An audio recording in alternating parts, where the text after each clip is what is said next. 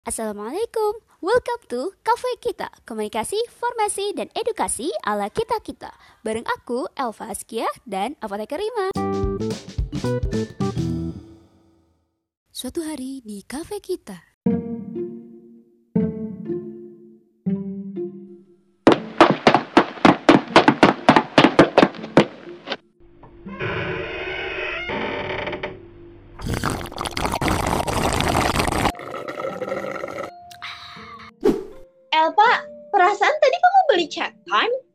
Siang jam 12-an kamu beli si boba. Lah, ini kamu beli lagi nih, She.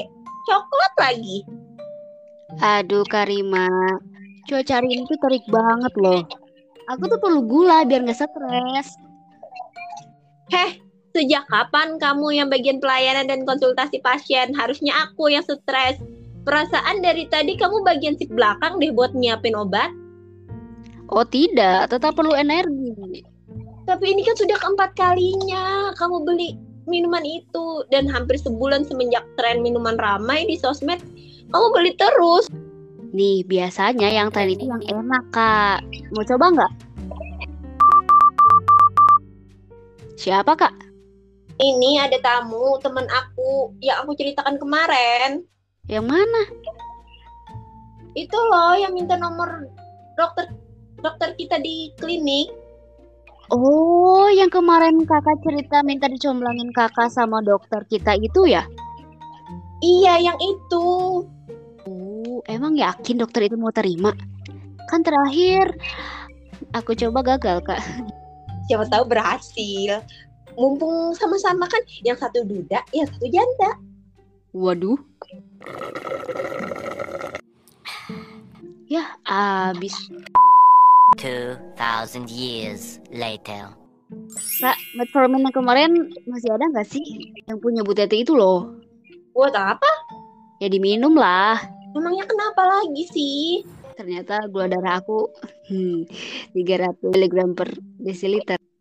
Sorry. Jelas lah kan kebiasaan kamu sebulan minum aja itu.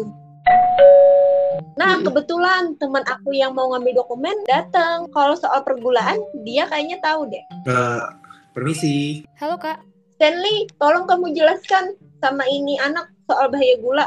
Kok aku datang-datang diminta menjelaskan gula? Kan kamu ekspor dalam bidang preventif penyakit diabetes. Hmm, emang kenapa sih? Enggak kak, cuman gula darahku tadi aku cek 300 aja. Hah, 300? Bisa-bisa kau kena DM loh. Aku kan nggak punya riwayat DM. Tetapi gaya hidup tetap mempengaruhi. Kan aku nggak tua kak. Tapi kan umur nggak bisa jadi patokan. terus apa aja dong faktor yang mempengaruhinya? Banyak loh eh, faktor-faktor penyebab diabetes, eh, khususnya diabetes tipe 2 nih karena gaya hidup. Yang pertama itu karena obesitas atau kelebihan berat badan. Dan kedua, adanya lemak yang menumpuk pada perut. Kemudian yang ketiga, gaya hidup sedentari atau kurang aktif bergerak. Nah, usia eh, juga bisa mempengaruhi, tapi eh, itu juga merupakan salah satu faktor aja, khususnya untuk eh, orang-orang di atas usia 45 tahun. Riwayat keluarga eh, dekat yang pernah mengidap diabetes tipe 2 sebelumnya juga bisa mempengaruhi loh. Selain itu, memiliki sindrom ovarium polycystic atau PCOS itu juga bisa mempengaruhi eh, khususnya pada wanita. Nah, kemudian eh, pernah mengalami diabetes gestasional atau diabetes yang pernah dialami oleh ibu hamil juga bisa mempengaruhi. Nah, yang terakhir nih yang paling penting, dia tidak seimbang yaitu tinggi gula, garam, lemak dan rendah serat. Jadi eh, bahaya juga tuh kalau misalnya gulanya udah 300 tapi gaya hidupnya tidak diperbaiki walaupun usianya masih muda. Kan aku baru aja 300.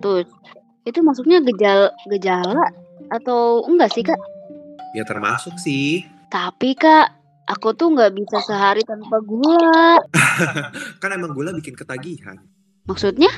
Nih, eh, makan gula itu tuh bisa melepaskan hormon dopamin loh di dalam tubuh kita sehingga kita bisa merasakan kesenangan dan ingin mengulanginya lagi. Nah, jika dalam waktu panjang kita terus mengkonsumsi gula, eh, akibatnya dopamin di tubuh kita kan akan terus tinggi nih. Jadi ketika eh, kita tidak mengkonsumsi gula lagi, tiba-tiba kadar dopamin kita menjadi eh, tidak setinggi biasanya nih. Nah, akibatnya em, kita akan menjadi craving atau menjadi ketagihan untuk bisa mengkonsumsi gula lagi dan itulah sebabnya kenapa gula itu bisa bikin ketagihan. Kalau gitu pengganti Gula apa dong ya kak? Biar kita nggak ketagihan sama minuman yang mengandung gula. Nah, kamu bisa loh mengganti gula-gula yang biasa kamu konsumsi dengan jenis gula yang lain seperti gula jagung, stevia, dan juga lainnya. Dan gula-gula ini tidak mengandung kalori loh. Tapi paling terpenting juga melatih diri kamu agar tidak kebiasaan mengkonsumsi apa pun yang manis. Banyak makanan ataupun minuman yang punya rasa yang khas loh, sehingga kalau kamu tambahkan gula, malah rasa-rasa yang lain jadi hilang. Oh, gitu ya kak. Ntar aku coba deh.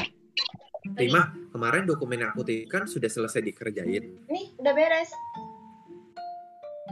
Ya sudah, mak- terima kasih ya. Aku permisi dulu. Eh kak, jadi gula itu racun juga ya? Iya iyalah, meski manis tetap, tetap beracun loh. Tapi, hmm, kakak tahu nggak ada yang manis tapi bukan racun? Apa? Kamu jangan aneh-aneh deh. Ah, Pura-pura nggak tahu. Senyum kakak itu loh buat kakak yang tadi. Cie, cie, cie, cie. Kebiasaan.